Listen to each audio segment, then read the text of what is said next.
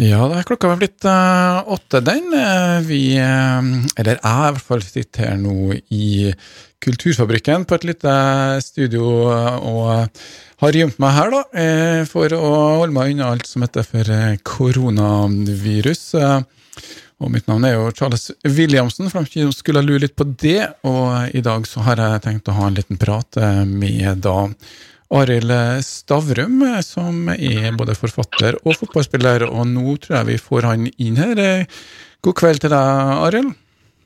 God kveld. Hallo, hallo. Der var du, vet du. Veldig høyt og tydelig, og det er bra. Så bra. Vi har uh, valgt uh, å gjøre det koronavennlig, uh, og um, i det hele tatt passe på at vi følger myndighetenes eh, lille krav. Da. For egentlig så har vi tenkt å sitte i Kulturfabrikken eh, begge to på ei scene med masse folk i salen. Eh, det hoppa vi over av hensyn til både koronasmitte og oss sjøl. Men formen er bra, Arild? Formen er bra, og jeg må jo si at denne måten å gjøre et intervju på føles jo veldig trygt. da. det skal litt til at vi smitter hverandre, i hvert fall. Men det, det, er også en utrolig rar situasjon å være i. at Jeg bor i Oslo, men jeg pleier å være i Kristiansund noen gang i løpet av året. og nå, nå, er jo det rett og slett umulig. Det, det, det er veldig rart, sånn som vi har havna. Ja, og det er jo klart at vi må jo bare unnskylde lyden som man er, men sånn er det en gang vært uh, blitt, uh, kan en si. da. Men det, det, står bra til med dine folk og dine næromgivelser. Du har ikke ja, vært i karantene? Nei, jeg har ikke det. Men uh, det er jo hele tida et eller annet i nærheten og rundt oss. og vi, vi frykter at vi skal komme borti det, men så langt har det gått uh, veldig greit. da. Ja, og For dere som ikke vet det, så bor jo da Arild i Oslo og jobber som lærer. Men eh, han bruker også en god del av tida på å skrive bøker. Eh, forfatter eh, Arild, ny bok i år. Hvordan føles det å komme ut med en ny tittel? Det er alltid veldig, veldig gøy. Og som, eh, som forfatter så er det, det er veldig mye jobb å skrive bok. Altså Man sitter jo sitter og sitter, og sitter jo til det, til det er bra. Og akkurat den perioden fra boka går i trykken til du har jo i hand og vet at du ikke kan gjøre noe mer, den er veldig, veldig fin. Så alltid det å få kjenne på en ny bok og være ferdig med et prosjekt, det er utrolig sånn tilfredsstillende. da. Og eh, det eller Det som er trist i år, er jo at det blir veldig lite reise. og ut, Sånn som jeg pleide før om årene med de barnebøkene her, da, så har det vært mange skolebesøk og sånne ting. Og det, det blir det jo ikke noe av nå, foreløpig i hvert fall. Nei, Vi får håpe at uh, vaksiner kommer rullende uh, ganske fort, men uansett, ting tar tid her. Uh, Sinedan, uh, Sidanes dans, uh, tittelen. Hva er boka handler om? Du nevnte barnebok. Det handler, om, eh, det handler om tre gutter fra Kristiansund. Og det er en, altså Jeg har jo skrevet før om de samme guttene, og det her er en sånn helt frittstående fortsettelse på det. da. Eh, de første bøkene eh, handla mye om Diego Maradona, og, og, bakgrunnen for det var at han var min desiderte helt som, som barn sjøl, og ville bruke han i, i en bokserie. Men så etter tre bøker så, så, følte jeg at jeg var ferdig med å skrive om Maradona, og da gikk jeg løs på han jeg syntes var nest best, og det var Zidane. da. Og så kom den tittelen til meg rundt uh, helt i begynnelsen av at jeg begynte å tenke på boka. Så fikk jeg den tittelen 'Zidans dans' på hjernen. og den satt liksom sånn Jeg gjentok den og gjentok den, og, og, og, så begynte, begynte, jeg å surre rundt en historie på, på akkurat det. da. Så det er første gangen jeg har opplevd at uh, tittelen kom før boka, liksom. Så, så, det var en veldig interessant måte å, å, å skrive det på. Og, og, så visste jeg at jeg hadde lyst til å skrive flere bøker om, uh, om ja, fotball og spenning og alt det der i Kristiansund. da, som det, som Ja, for det, det er jo kjente um, hovedpersoner. Mikke Mindberg han er vel med her også? Yes, han er hovedperson sammen med to av sine beste kompiser og ei jente. Så de, de er noen fire som da prøver å finne ut av den historien her uh, sammen. da. Ja, og han har, har et Gomma-navn til etternavn, Mildenbergan. Og så er det vel en annen kar som heter Sondre Goma. Er det sånn at Goma er etternavnet? Nei, altså, altså, det som var, at egentlig så begynte alle de navnene der å spinne ut fra steder i Kristiansund. Og, og den første som jeg egentlig kom, eh, kom, på, var jo da altså Jeg er jo født nesten ute i Karihåla. Og hadde jo lyst til å ha en person som het Kari Hårdala. Så det, var, så det var det første navnet som kom. Og så begynte jeg da å tenke at OK, nå gjør jeg sånn at alle navnene har et eller annet med Kristiansund å gjøre. Og jeg kan si alle de lagkompisene til, eh, til de tre hovedpersonene, de heter liksom Ole, Lars og alt sånt der. Og det er, det er veier som krysser langveien. Så alle navnene er henta fra, fra, det. Så det er alt sånn er liksom sånn steder og, og gater og alt mulig fra Kristiansund som har, eh, som har bakgrunn i historie. da. Det betyr at uh, du har en uh, liten ekstra dimensjon hvis du kommer fra Kristiansund og kjenner litt igjen her. Altså, du selger vel noen bøker her i Kristiansund? da? Jo, men, men uh, Hvordan er mottakelsen i byen? Jo, altså jeg, jeg, har fått veldig mye gode tilbakemeldinger fra, fra folk i, i, Kristiansund, og det er kjempehyggelig. Men det er også en ting at man, man skriver jo sånn at det skal leses uansett hvor hen du kommer ifra. Og jeg tror det var tror det var Henning Mankell som sa det en gang, at uh, jo mer lokale bok er, jo mer global kan den bli. Fordi at det er så viktig at du har utgangspunkt i et miljø som, som folk kan kjenne seg igjen i, som forfatteren kan kjenne seg igjen i. Og Da er det ikke nødvendigvis sånn at du trenger å komme fra Kristiansund for å få et forhold til uh, de gatene og det stedet. Det er viktig at forfatter og, og hovedpersonene har det. så at det skjer at de, de, de, de, på en måte blir, blir, ekte. da. Det er i hvert fall målet med det. Eh, men så er det jo ekstra hyggelig å høre at folk fra Kristiansund kjenner seg igjen i historien. Det er, klart, eh, det er også klart. Det er en barnebok. Eh, James Joyce skrev da om Dublin på en helt annen måte, med også en samme du kan kjenne deg igjen i, i gatene. Men historien sine dans, dans Sidanes dans, hva, hva er storyen? Det, det, handler om at uh, de blir dratt inn i en historie der de får en melding fra Zinedine Zidane over PlayStation. Så Det begynner med at de spiller Fifa på PlayStation, og så dukker det opp en beskjed der som ikke, som ikke hører med til spillet. Og Da viser det seg at Zinedine Zidane har blitt kidnappa og havna inn i en PlayStation. inn i spillet. Og da er det at de prøver å finne ut hvordan de kan få tak i uh, Zidane og redde ham ut fra den situasjonen han har havna i. For Nå begynner aviser i Spania alt mulig å skrive om at Zidane er kidnappa. Det er ingen som vet hvor han er hen. Og Da er det opp til de fire fra Kristiansund å, å få Zidane løst. da. Det er det som er... Fra PlayStation-boksen, liksom? Fra PlayStation-verdenen som han har havna inn i. Skal ikke avsløre for mye, det må jo være noe å lese òg. Men eh, du har tatt inn PlayStation, og en del fotballspillere, yngre barn generelt, spiller vel en del spill? Er det en litt sånn bevisst grep å eh, bruke sånne elementer? Ja, altså Det er jo, det er jo å, å, skrive om noe som du vet barn er opptatt av. Det gjør jo at det er lett å tenke at man skal bruke PlayStation men så er det også, er også sånn at jeg har testa en del av det her sjøl.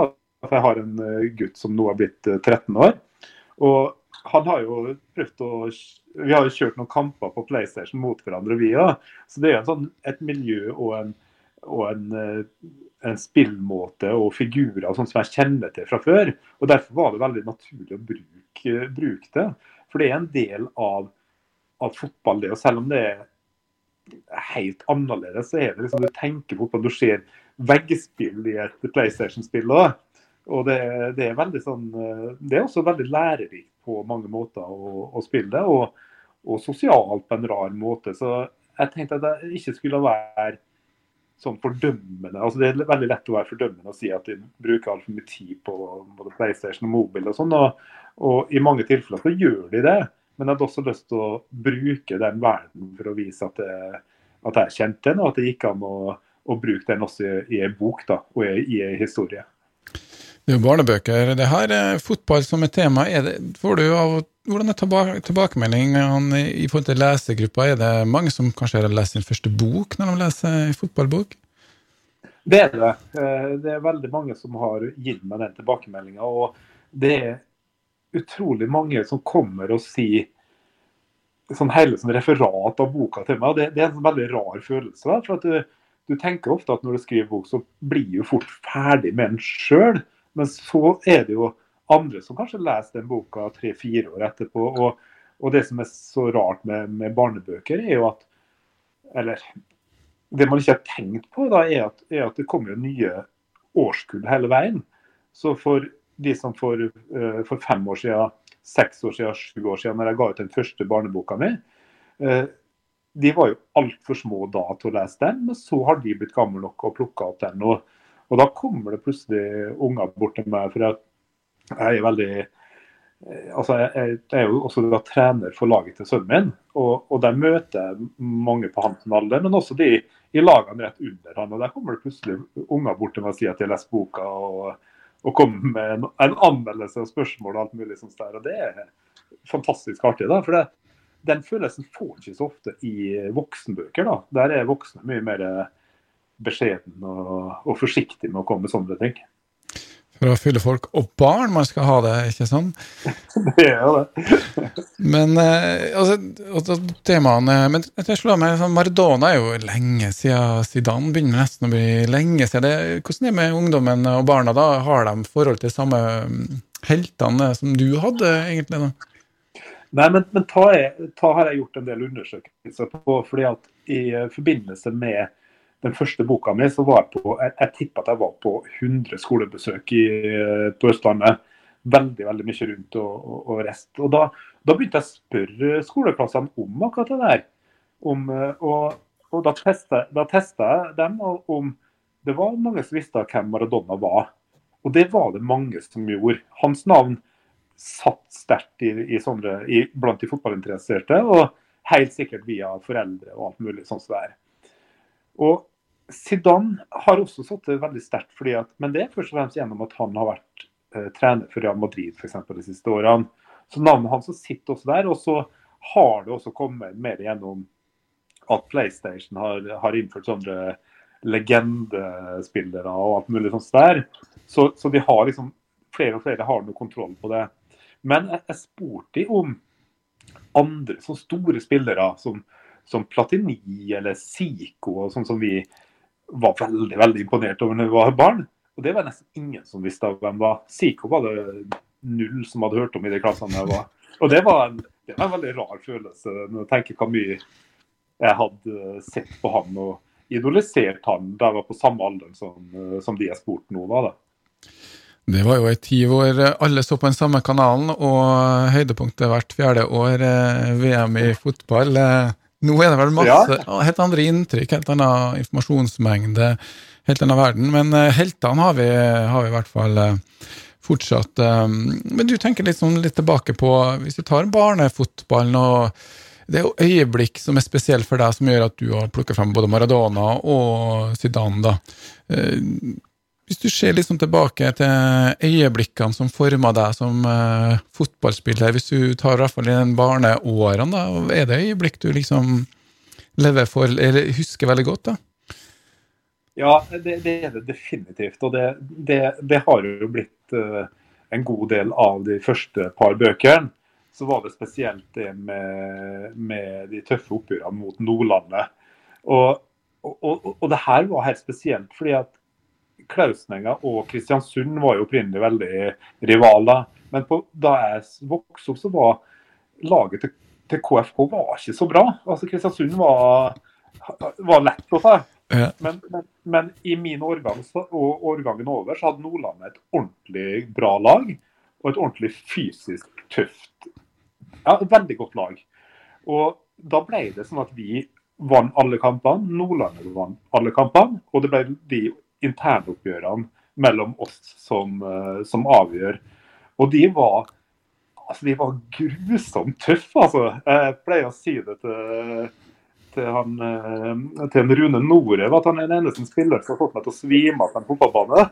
og, det, og det, var, det var et sånn knallhardt oppgjør på eh, på Nordlandsbanen, altså mellom to småguttelag. Så det gikk, gikk tøft for seg. Og, og de kampene der, de sitter liksom i sånn, sånn minne om hvor, hvor viktig fotball var, selv om eh, vi var barn. altså Hva innbitt det var for å vinne de kampene her.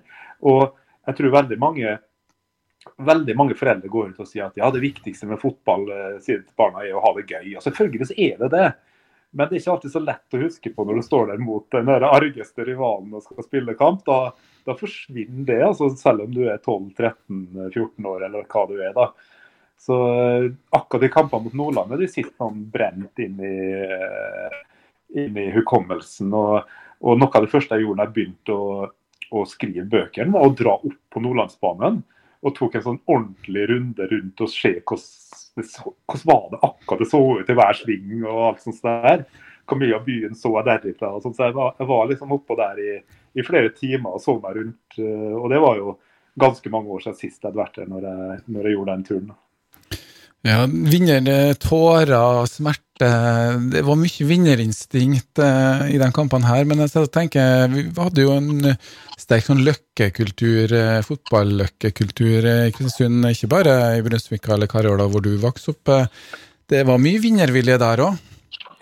Det var det. Og det var jo Du kan jo trekke en del tråder i fotball, fotballhistoria til Kristiansund gjennom det her. Da. Det var jo var jo omtrent Kjetil Thorsen som satte i gang og organiserte Løkkecupa. Han organiserer jo KBK i dag. Så det, det, det var mye, mye, mye, som skjedde da, og det ble også der veldig tøffe oppgjør hele tida i de cupene der. Og jeg tror også det med sånn kortbanefotball, altså sånn uh, som vi spilte innendørs fire mot fire, som gjorde masse idrettshaller. og som vi gjorde uh, da i de gatecupene, og som vi gjorde på en del på trening har blitt mer sånn som alle lag gjør etter hvert. Men jeg tror ikke det var så vanlig i alle miljø som det var i Kristiansund på en tid der. Og, og det, du får jo utrolig mye ballkontakt, og du får veldig mye teknisk god trening av det. Så det var altså de kampene var, var fantastisk utviklende. Det var det var der tøffheten og der, at det var så gøy og alt det der, men, men det var også veldig veldig utviklende som fotballspiller. da. Ja, Kristian Mikkelsen, eh, dagens trener i KBK, da, han har jo skrevet en eh, oppgave i forbindelse med han tok eh, det høyeste nivået på trenerutdannelsen. Så vil han trekke frem litt da en årgang, god årgang i bl.a. Klausninga og i Kristiansund generelt også, fra sånn 65 og 10 år fremover. Så var det en veldig bra eh, mange som spilte på, fikk landslagskamper, spilte i elitedivisjon. Eh, og han treffer dem litt det samme. Det er liksom Harry Game og innendørsfotball og klikk-klakk-fotball, den spillende stilen der man eh, vokser opp med. Det er på en måte det som man fikk en fordel på, at man kunne være med på et sånn type spill. Absolutt, det tror jeg var en god del av det. Og så var det en del viktige trenere. altså Faren min var en av de, Ole Stavrum. Og så hadde du Ole Olsen, og du hadde flere, veldig mange flere enn de to. Men de to var to eksempel på, på, gode trenere som var i de årgangene her, fordi at de også hadde barn i, i, i de årgangene her. Og, og, og, så medfører det at du skaper også gode miljø, da. Og jeg husker jo at jeg var oppe og trent mye sammen med ja, sånn som Eivind Leonardsen f.eks. Og fikk spille kamper sammen med han og Hallo Lidal og de som spilte på 70-årgangen der. Og så gjorde jo Eivind det samme med årgangen over og var oppe og matcha seg med Jan Erling Kruse og André Flem og de som var over der igjen. Og, og, så kom bak meg så kommer da Ole Gunnar eh, altså Solskjær, og så kommer da Trond Andersen, som er oppe og matcher seg med oss og, og oppover. Så du fikk en sånn veldig gode miljø og veldig konkurransedrevne. Der, der, folk så at det gikk an å slå gjennom tidlig. Altså, jeg så jo at Øyvind spilte på A-laget da han var 15 og fikk jo sånn voldsom boost for å prøve å, å ta igjen han.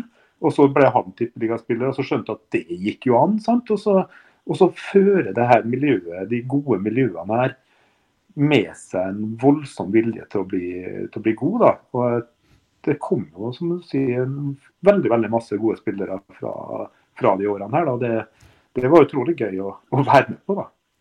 Det er jo noe med å kunne se en spiller eh, spille på samme bane som en som har nådd opp, eller se hva slags nivå man eh, kan forvente, eller man må være på da, for å kanskje lykkes også. Da. Det må jo være med på å spille inn. For din del eh, så var du jo med CFK bl.a. i 89, når de rykka opp til førstedivisjon. Da var ikke du med, riktignok. Da hadde du en liten eksilopptreden i Nordlandet, men det var på den tida her du liksom begynte å spille A-lagsfotball eh, for fullt. Um, var det da gitt at du skulle gå videre og spille i ja, førstedivisjon, eller elitedivisjon i dag, da? Det, det, er aldri gitt. Altså det, det, er fryktelig mange talentfulle spillere som ikke har uh, kommet opp. og det, det, er mange mange grunner til det. En, en god del uh, er, er, vilje, evne til å trene alt det der. Og så, og så må du også ha en del flaks på, på veien det er klart, eh, Du må få en trener som tror på deg til å sette deg og gi deg sjansen. Altså. Så det, det, det, er en del tilfeldigheter inn i, i bildet. Men, men, jeg var alltid veldig klar over at jeg hadde lyst til å satse på fotball. Og det kom tror jeg på, ja, i hvert fall i løpet av ungdomsskolen, at jeg begynte å trene veldig mye. og hadde, hadde lyst til å, å, se hvor langt jeg kunne, kunne dra det. da. Så, så det, kom, det, kom, tidlig. Og, og igjen altså, drev av drev av det, så så de som var litt eldre enn meg, fikk det, og at det var absolutt mulig. da. Det var ikke sånn eh, For det tror jeg enkelte andre steder at de, ikke, de, de har ikke de der, de forbildene, det, det, å se opp til det å, å, trene etter. da. Så, så, det var en kjempe, kjempefordel. Og jo, jeg visste, visste tidligere at jeg hadde lyst til å bli god, men det var ikke, det var ikke gitt. Det var ikke. Nei, det um fikk vel da gjennomslag, eller slo gjennom på øverste nivå i Norge i eh, blir vel 91, da. Brann. Ja. Hvordan fikk du til det? Det stemmer. Det var, en, det var litt sånn, også litt tilfeldigheter inn i bildet. Jeg var, jeg var av alle ting på et prøvespill i Sverige, i Øster, og gjorde det veldig bra der. Eh, og fikk tilbud fra de, og så ble ikke det noe av. Men treneren der, som het Hans Bakke, som er en svensk uh, veldig berømt trener, vært trener i Molde og ja, masse plasser. Ja. Stabæk og vært i FC København og utlandet. Han, har vært veldig, han var da trener i Øster og hadde lyst til å kjøpe meg, og så ble ikke det noe av da. Og så spilte broren min i Brann, og han sa det her til treneren til Brann. Og han hadde så stor respekt for uh, Hans Bakke at da ville han ha meg til Brann med en gang. Okay. Så det var så det var, det var, det som gjorde at jeg fikk sjansen i Brann. Og da fikk jeg allerede den første høsten etter videregående der, så fikk jeg spille noen kamper i, i Eliteserien. Det var kjekt å ha en bror da, som kunne legge ned et godt ord. Ja, det var det. Men jeg tror hans ord var én ting. Det var det enda tyngre, det ordet til han øh, svenske treneren. Det gjorde det. Hans Bakke. Du snakker litt om øh, familien. Du er jo arvelig belasta, så det holder med fotball. Og, og, det er jo ofte foreldre bak øh, barnefotballspillere også. Hvordan er det liksom den dynamikken mellom barn og, altså barn og foreldre når det gjelder å pushe på barna, dra dem fremover. Eh, det er ikke så lett å balansere den der foreldrerollen og trenerrollen. Du er jo kanskje i den akkurat nå sjøl? Det, det, det, er ikke lett, men, jeg, men jeg, jeg er litt av den oppfatninga at det har blitt uh, kanskje litt for mye negativt fokus på foreldretrenere. Altså, altså det, Fotball-Norge er totalt avhengig av foreldretrenere.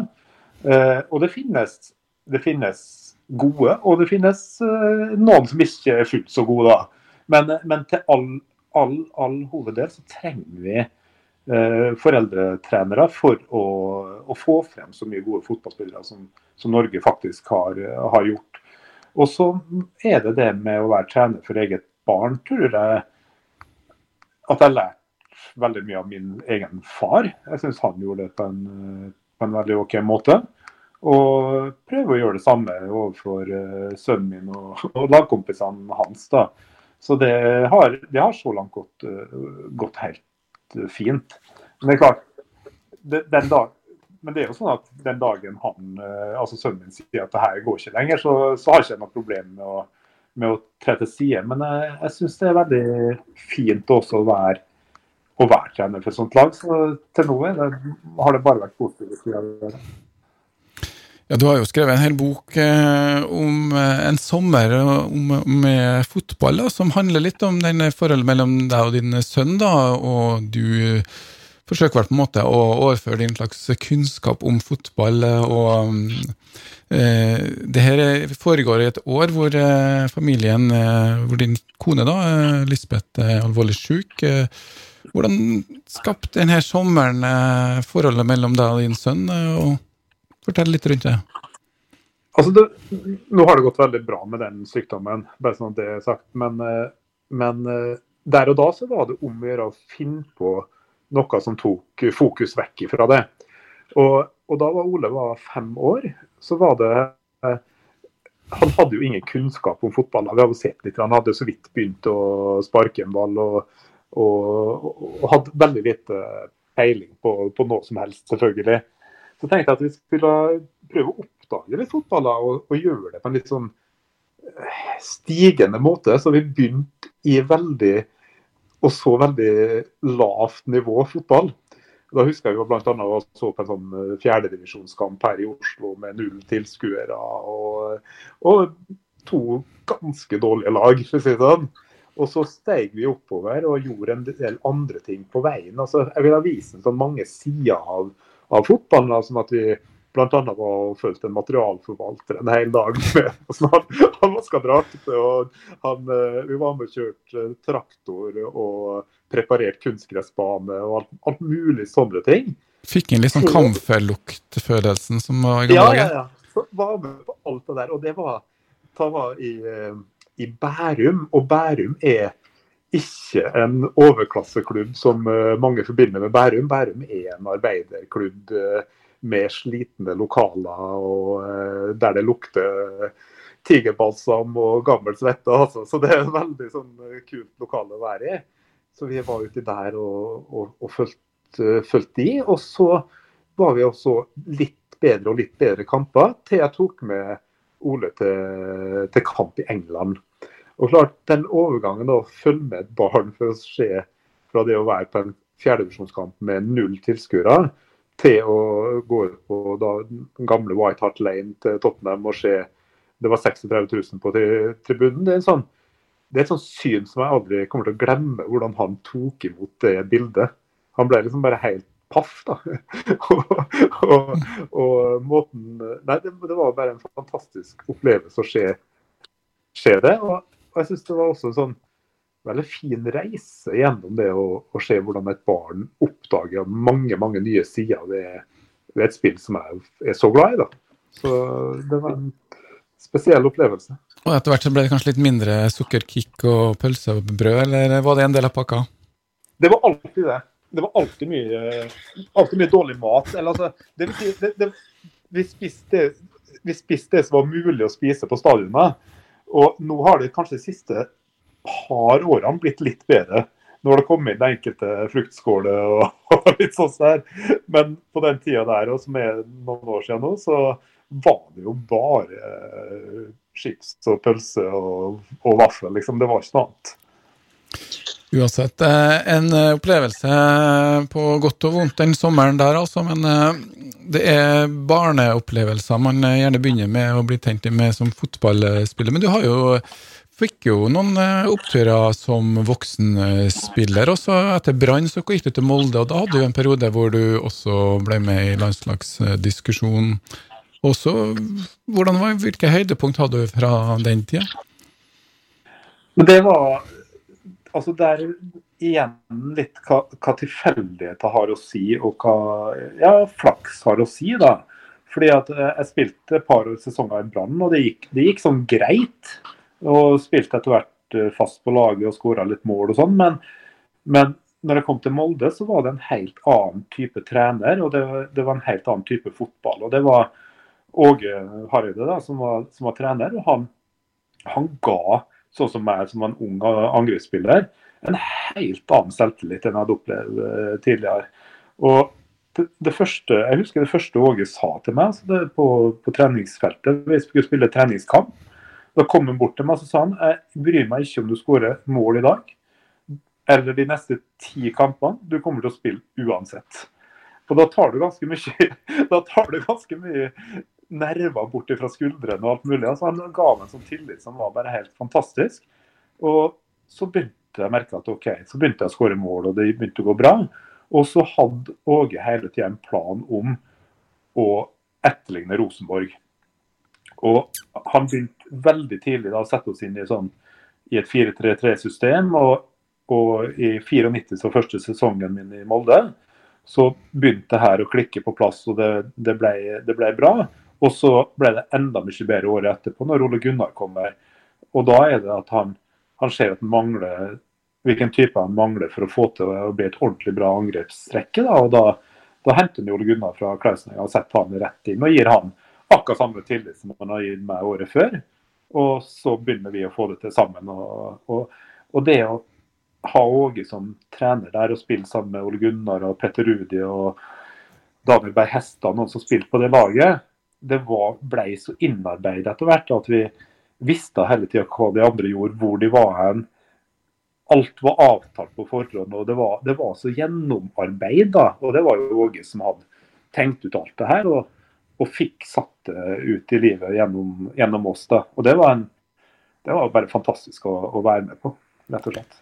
Ole Gunnar er jo et par år yngre enn en deg, og har jo fulgt deg på um, Løkkelaget på Myra og Brunsvika. Så da måte var liksom løkkefotballen på plass på Molde stadion? Ja, vi hadde jo spilt uh, sammen på, både på det gatelaget og i Klausenenga i mange mange år, så vi, vi kjente jo hverandre veldig godt. Men likevel så var det noe, noe annet å gå inn i, i en sånn voksen A-lagsfotball. altså Spille sammen i, i Tippeligaen var noe helt annet. Og Ole Gunnar sleit i begynnelsen eh, i Molde, fikk det ikke helt til. og Hadde vært en annen trener som ikke ga den ubegrensa tilliten, hadde bestemt seg for at Ole Gunnar skulle bli god, så kunne det ha stoppa opp for han. Men det var det var en sånn voldsom altså Åge var så sta. da, Han visste at det her kom til å bli bra. Og det var utrolig deilig å være en del av. Og så måtte det vært utrolig kjedelig å være nummer 12-13 på laget. Det kunne, kunne ikke være litt gøy. Ja, Han praktiserte ikke en sånn rullerende eh, spillergruppe, han også. Men du, Åge Areide har du jo, um, har jo fulgt deg eh, sida, egentlig, kan du si. Og du har jo spilt eh, med han som trener også i Helsingborg. Og i 2018, altså for et par år siden, så kom det en biografi om Åge Hareide. Et fotballiv. Når skjønte du at det var du som måtte skrive den boka? Ja, det, skjønte, altså det, det, var, det, var, et spørsmål som kom fra forlaget. Jeg, fikk, jeg ble ringt opp eh, fra da Kagge forlag, og så sa de at de ville ha bok om Åge. Og lurte på om jeg kunne skrive. Og, og da var jeg veldig sånn i tvil med en gang. Så jeg visste ikke om det her var noe jeg ville gjøre. fordi at jeg følte at jeg, jeg var litt for nærme stoffet. da. Men så sa jo hun, eh, hun forleggeren at, eh, at, jeg måtte bruke det til en fordel. Og, og så sa jeg, sa jeg, at jeg hadde én betingelse. Da. Det var at Åge var 100% med på det. Og så, så reiste jeg ned til eh, København og hadde en lang prat med Åge. og og da tenkte jeg OK, det her kan, kan bli gøy. Så, ja, for Du har jo da veldig godt kjennskap til Åge som trener, og har jo en del episoder i boka som eh, er ganske selvopplevd. Eh, en treningsleir med litt ekstratrening. Det var Det foregikk på fotballtur i gamle dager? Jo, men det som er viktig å huske på her, er at vi, vi er jo ungdommer, egentlig. altså Vi er jo par og tyve år i en tid her. og det, Du får litt sånn brakkesjuke etter x antall dager på treningsleir, så plutselig så var det at vi gikk en tur ut. Da. Og så vet, ja. Og så vet du jo at uh, generasjonen over med Åge og de der har jo gjort akkurat det samme før. Og så er det jo om å ikke bli ferska, da, men så, så ble vi jo det. Vi ble jo oppdaga. Og, og, det er da Åge viser hvordan han straffer oss. Da, for at det er jo veldig mange trenere som ville ha det med alvorsprat og, og kjefta på oss og gitt oss bot eller hva som helst. Da. Men uh, straffa til Åge var grusom. Altså, han, uh, han, tok alle vi, eller vi fire som hadde vært ute på dagen før og hadde avslutningstrening. Så står han demonstrativt og pumper alle ballene så, så, hardt han kan. Og så slår han inn, og så sier han at det er bare lov å hevde det. Så gutta som hadde litt heng over hodet, da, fikk en knallarball i hodet i deg? Så det var, det var, hans måte å ta oss på. Så han, bevis, han visste oss at han visste hva som hadde skjedd, og at vi eh, ikke slapp unna. Det er jo eh, morsomt at du bruker Molde-episoden her, da. For du har jo også skrevet en bok, den første boka i 31 år på gress, som kom i 2008. Da. Der er det jo en hardt Jeg sier du, der er det en hardtdrikkende Molde-spiller som er hovedperson. Hvor mye Det er jo fiksjon, vi kan jo si det, men det er jo selvopplevd det du, du kommer med her. Du byr på en del av deg sjøl i bøkene og nærhistorier. Hvordan føles det egentlig? Nei, altså den, den, første boka mi er, er, ikke en selvbiografi, bare sånn at det er sagt. Det er ikke Erik Solé, liksom? Nei. men, men, men, det er veldig mye som er, som er opplevd, og mye som er tatt fra lagkompiser og alt mulig sånt. Så det er en sånn satt sammen av ting som jeg har vært med på sjøl, og ting som jeg vet andre har opplevd. Og, og, og, ideen der var å skape et portrett av en fotballspiller. For å, for å vise at det er ikke bare enkelt. Altså, det er veldig mange som tror at, at en spiller som skårer tre mål én kamp, skal skåre tre mål neste kamp og neste kamp og neste kamp. Men det kommer ting i veien. Det er ting som skjer. Det er, det er mennesker som, som skal ha alt på stell for å, for å lykkes. Da. Og innimellom så går ting eh, helt skeis for, eh, for, de fleste. Da. Så det var litt eh, Det var et, et, ønske om å prøve å beskrive hvordan eh, det kunne være omtrent inni hodet på en fotballspiller. Boka kom jo i 2008. Du eh, tok jo og la fotballskoen på hylla i 2004. Hva var det første du tenkte at nå skal jeg skrive en bok? Jeg hadde begynt å skrive allerede da. Uh, og, og, så hadde jeg lagt det bort igjen og så tatt det opp igjen. fordi at det å skrive en roman, og spesielt den første boka, da, når du ikke kan noe om å skrive bok, eh, er ganske utfordrende. Da. Så, men det satt veldig fart egentlig da jeg måtte, jeg måtte ha slutt pga. Skade. Og da hadde jeg gått, da gikk jeg skada i de to siste årene av karrieren, egentlig. Og burde ha lagt opp før. Og, og, så den siste, siste kampen jeg spilte sånn ordentlig frisk, da var jeg bare 29 år. da. Så det føltes veldig, veldig, veldig ungt. Og for meg så føltes det som at jeg ble tatt fra en god del av det som jeg hadde trent hele livet for å oppnå. Og, og det savnet ble veldig lett å overføre til det å skrive om det.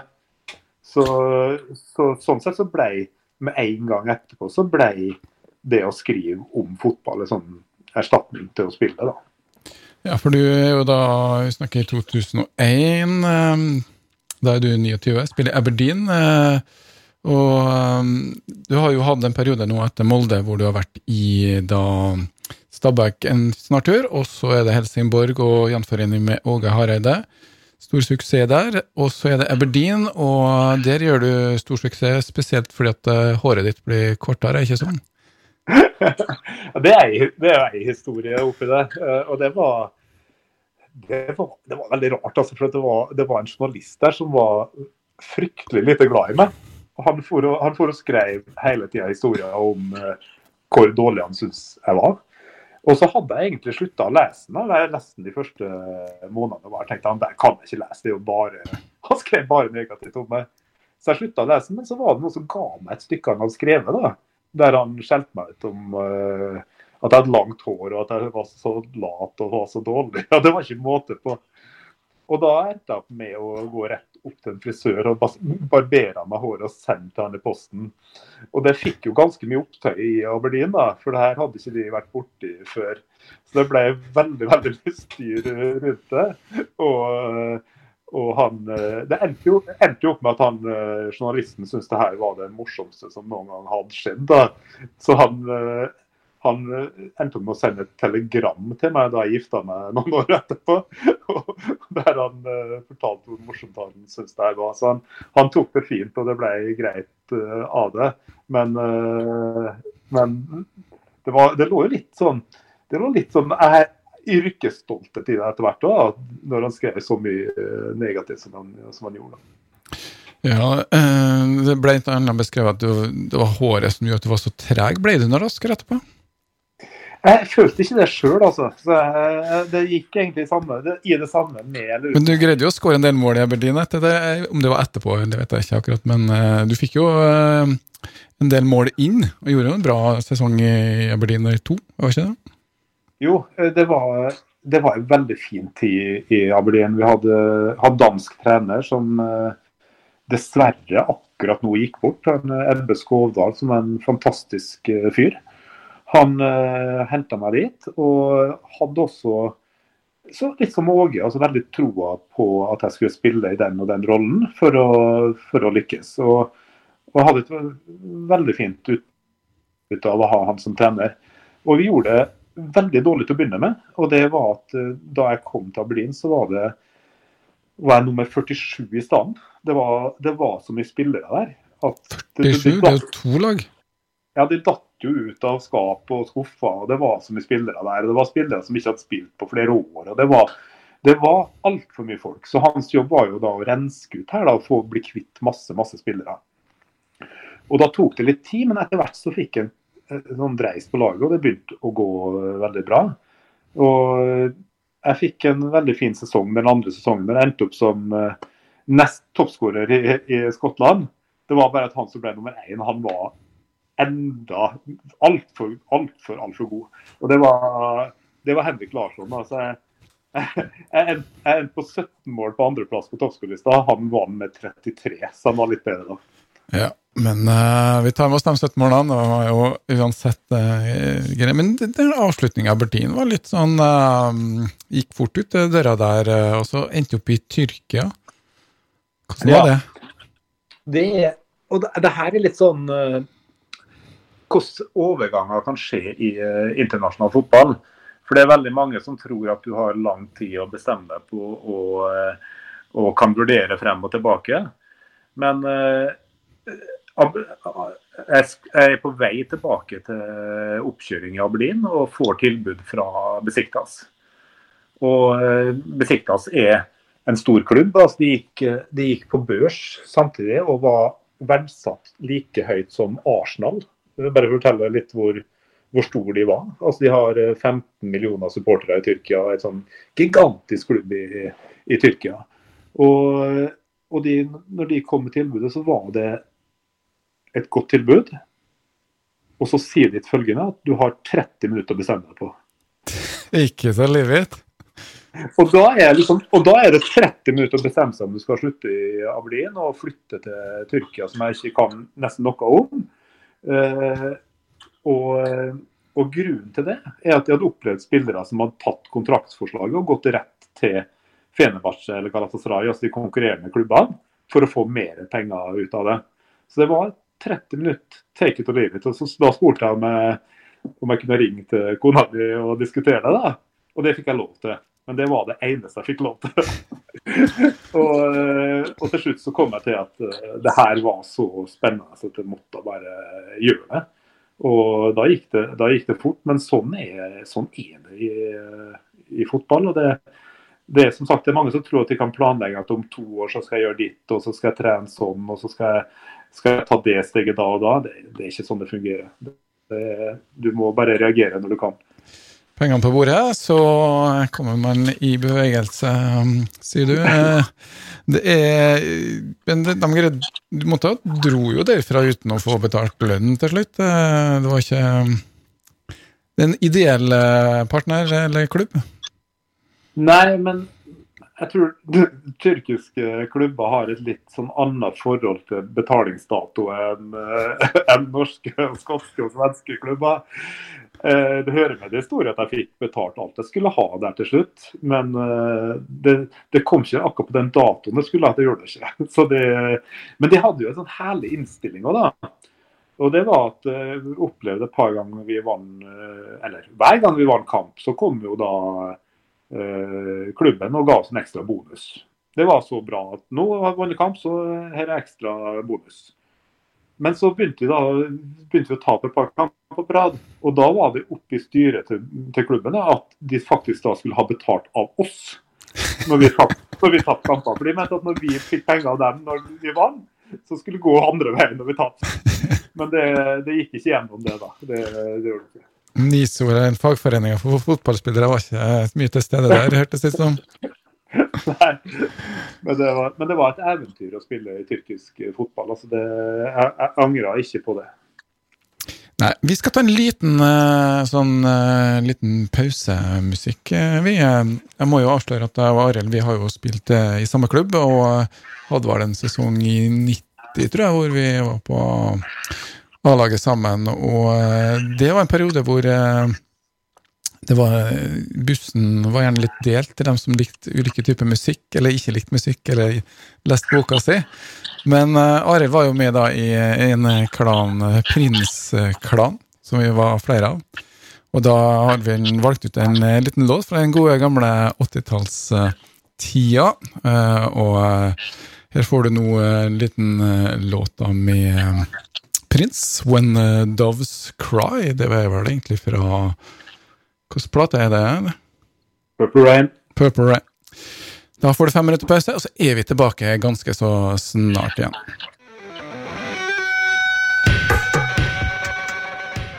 When uh, Doves uh, Cry der, på KSU247. Du hører nå på da en uh, liten fotballbokprat med Arild Stavrum, som uh, jeg med meg her på telefon eh, eller eh, Google Meet, som det heter. Og Arild er med oss eh, fortsatt. Ja, Prins. Hva er det med Prins, Arild? Har du ikke fått noen ny musikksmak siden den gangen? En eller, gang, en eller annen gang i 1984 så var jeg i Trondheim. Og da så jeg coveret til, til Purple Rain og kjøpte den plata uten å ha hørt henne. Og, det, og siden, det begynner å bli, da, begynner å bli 36 år siden, og siden så har jeg syns det er det beste albumet som er laga. Og Prince har laga de, de sju, åtte, ni, ti beste platene som finnes. Jeg er nok, jeg er nok der ennå. Ja, det er et eget program eh, om prins. Eh, det kan vi godt ha. Det kan vi godt ha. Men nå først eh, fotball, og, og mm, vi snakka litt om Aberdeen og Besiktas og litt Der du på en måte litt tampen av karrieren, prega av litt skader, frem og tilbake. Og så begynner du å skrive bok da sånn cirka i 2003-2004, der omkring. Mm. Eh, når så du at det kunne bli noe, noe karriere ut av uh, forfatter- uh, eller aspirasjonene? Det, det var Altså, det ble først at jeg bare skrev og skrev. Uh, altså, jeg prøvde å få til den historien. Og så endte jeg opp med et manus som var på 500 sider. Og det var, all, det var som sprika i alle retninger, egentlig. Og så var jeg veldig heldig for at jeg har spilt fotball i Molde. Og så jobba jeg litt for eh, teateret vårt i Molde. Og skrev, eh, begynte å skrive litt for dem i et sånt eh, teatermagasin som de ga ut. Og der, Gjennom det så møtte jeg han som, en som har vært formann i Forfatterforeninga, Torvald Steen, som er kjent norsk forfatter. Og da skulle jeg intervjue han. Og vi fant tonen umiddelbart. Vi ble veldig Han hadde skrevet mye om Tyrkia, jeg hadde akkurat spilt i Tyrkia. Han var ekstremt interessert i fotball. Og, og vi bare snakka sammen. og så til slutt så kom vi inn på akkurat at jeg, at jeg hadde prøvd å skrive en bok. Og, og, da sa han kan, kanskje jeg ta og lese det. Og så leste han og så sa han du, det her blir bok. Og så ga han den til sin redaktør. Og siden så har jeg hatt samme redaktøren. og og det var et veldig sånn tilfeldig, heldig møte igjen. Men uh, det, var, det, det, måtte en redaktør til for å hjelpe meg litt på vei, og da, da ble det bok av det. En god uh, mentor. Uh, det går igjen litt denne her Skal man lykkes som talent, så er jo klart at treningsvilje, treningsivrighet Men det, det, er noe med å kunne ha en ja, mentor, voksen person, for å kunne bære deg videre. Hva har det betydd for deg? Det er utrolig viktig å ha gode, gode, folk rundt seg som kan gi råd. Jeg, var, jeg var heldig som hadde en far som var trener og, og, og flink eh, på, på, det.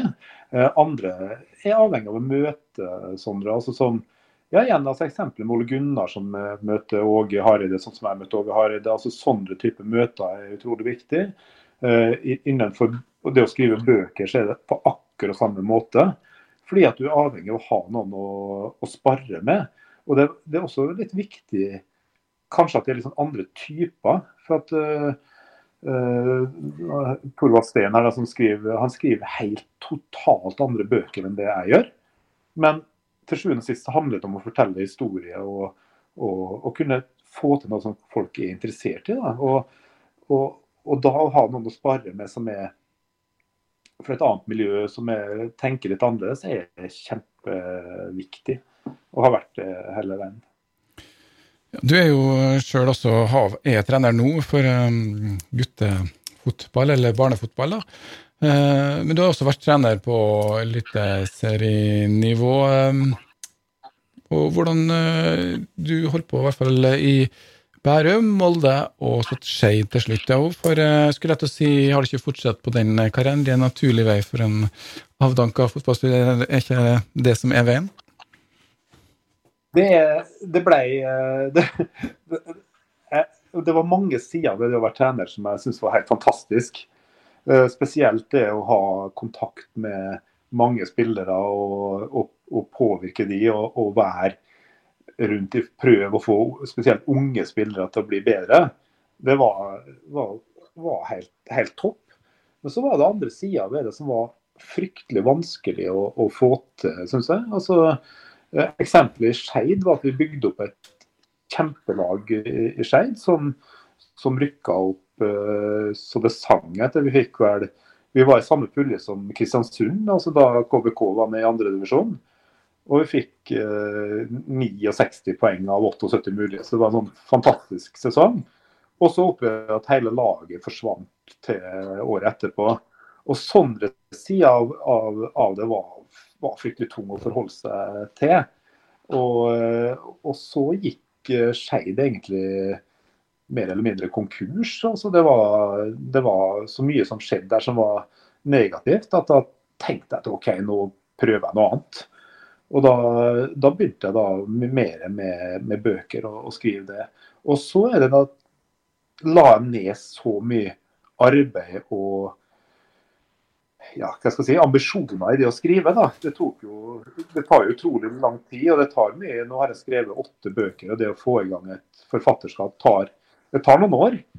Og, og, og, da bestemte jeg meg for at jeg hadde lyst til å, å, å prøve på det. da. Og jeg savner, jeg savner en god del av sida ved, ved, å være trener når jeg ikke er det. Men uh, de siste årene så har jeg hatt mer enn nok av det gjennom å være for, for laget til sønnen min. da. Så det, det er absolutt, absolutt eh, et godt substitutt fra å være trener i Molde eller hva som helst. Hvilken klubb spiller en i, eller du er trener for? Det er den lokale klubben her, som er da KFUM, eh, som holder til oppe på Ekebergsletta. Og det er eh, Koffa med ja. kristen profil, det går bra? Har du bønn? Eivind Arnevåg, har ikke han bønn fast i KFU-ene? det går helt det går helt fint. Jeg var ikke den ivrigsten på den fronten, men uh, Koffa, som det kalles, uh, legger jo sin sjel i å være en klubb for alle. Da. og det er jo du kan jo være muslim, eller du kan være ateist, eller du kan være hva som helst og likevel spille i KFM. Og det, jeg vil heller si at de har veldig mange gode verdier altså, som de har plukka med på veien her. Talentfabrikk, det her også. I hvert da jeg merke det, den tida jeg var i Oslo. Eh, trenerkarriere Nå er altså kombinasjonen eh, lærer og skriving eh, Det er ikke like lønnsomt skulle du si, å være forfatter. Det er jo ikke noe som kaster av seg umiddelbart. Nei, altså det, det, er jo så ubønnhørlig avhengig av hvor mange som kjøper bøker. Da.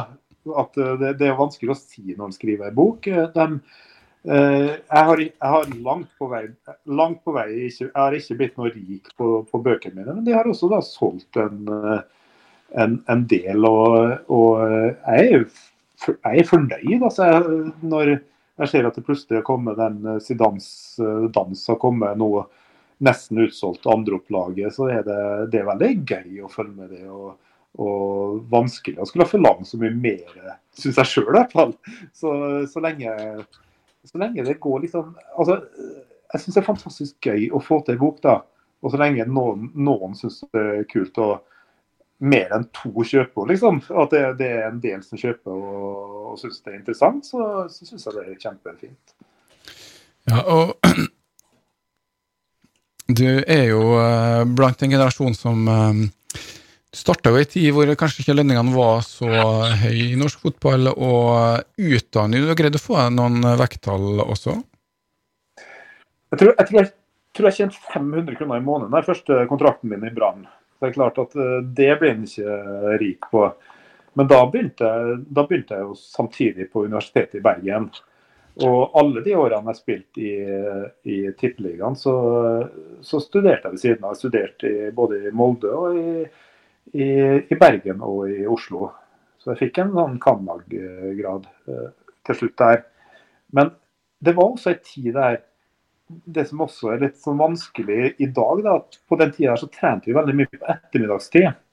Så treninga var lagt opp mer at du kunne gå på skole og du kunne jobbe. altså Det var mange som også jobba. Og i dag så er det mye tøffere, fordi at treningene er jo lagt rett på formiddagstid. Ofte møter i forbindelse med treninga. Så spillere er, er krever at de er på, på stadion store deler av formiddagen dagen. Da. Og det er ikke alltid like lett å studere eller å kombinere med studier. Så jeg, jeg skjønner at en del spillere syns det også er vanskelig. da. For det var, det var kanskje litt mer lagt til rette for det når vi, når vi spilte.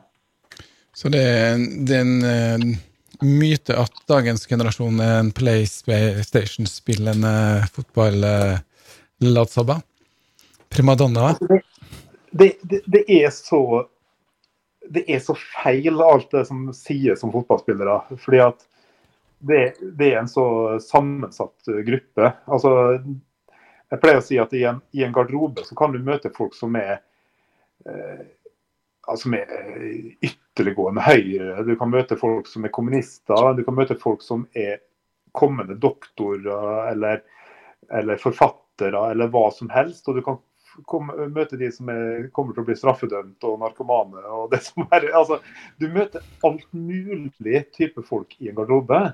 Og det de har til felles, er at de er omtrent på samme nivå og spiller fotball.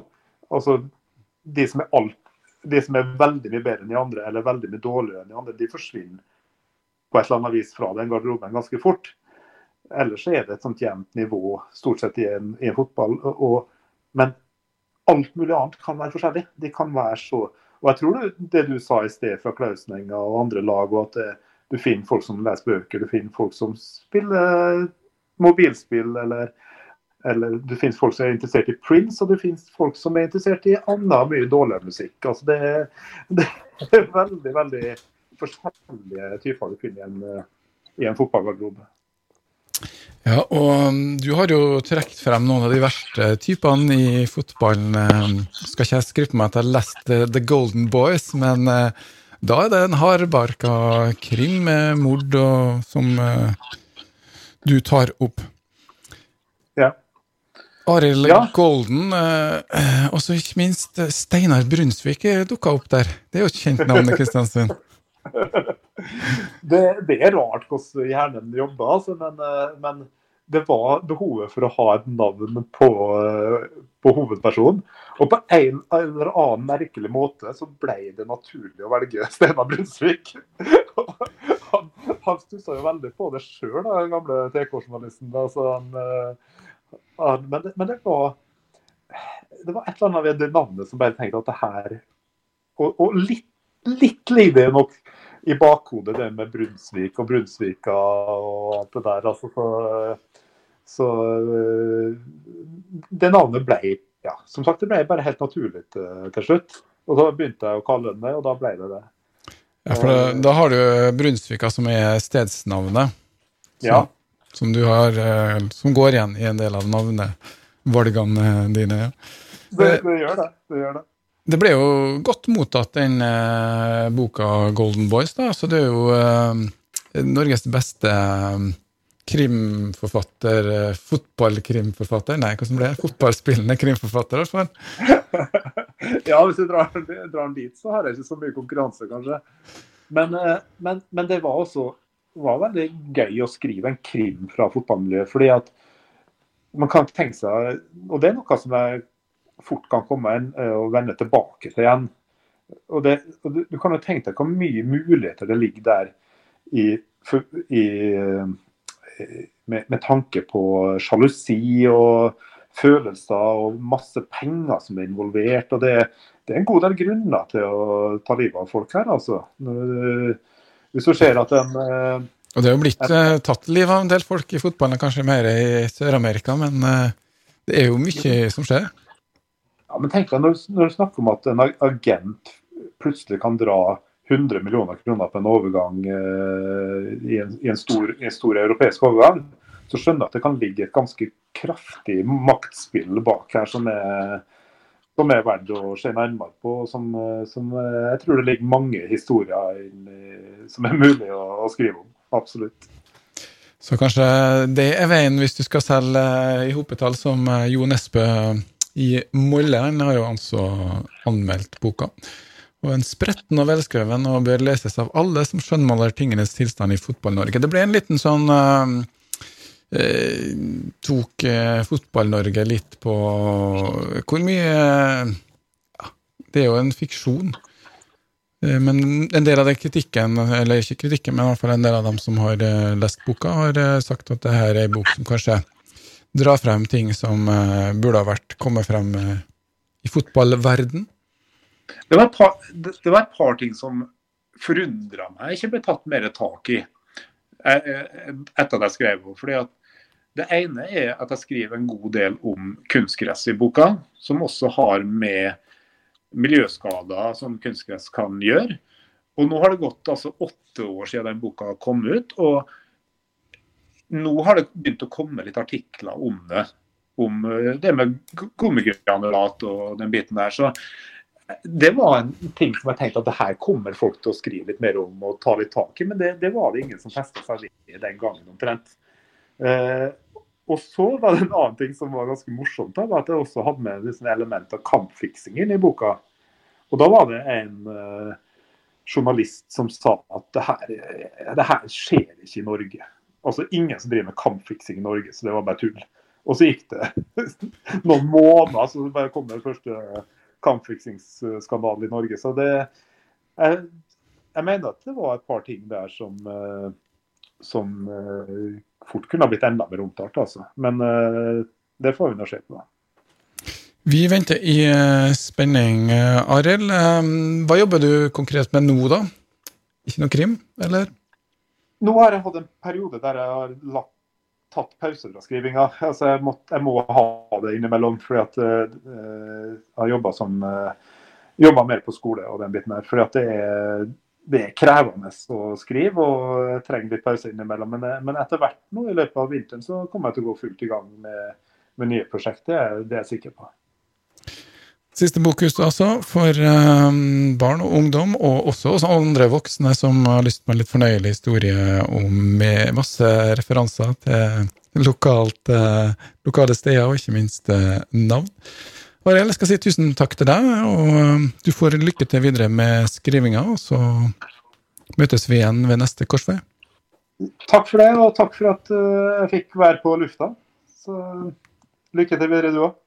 Ja, og da, da, skal vi i hvert fall love dere det at neste gang så blir det da live og med et uh, ordentlig studiolyd, og så får vi bare uh, ta det som det er i disse koronatider, at lyden uh, er litt bedre på meg, mens Arild da har litt annen lyd. Men uansett, innholdet som teller mest. Så takk skal dere ha, lyttere, og så er vi tilbake igjen i morgen. Da er morgensending.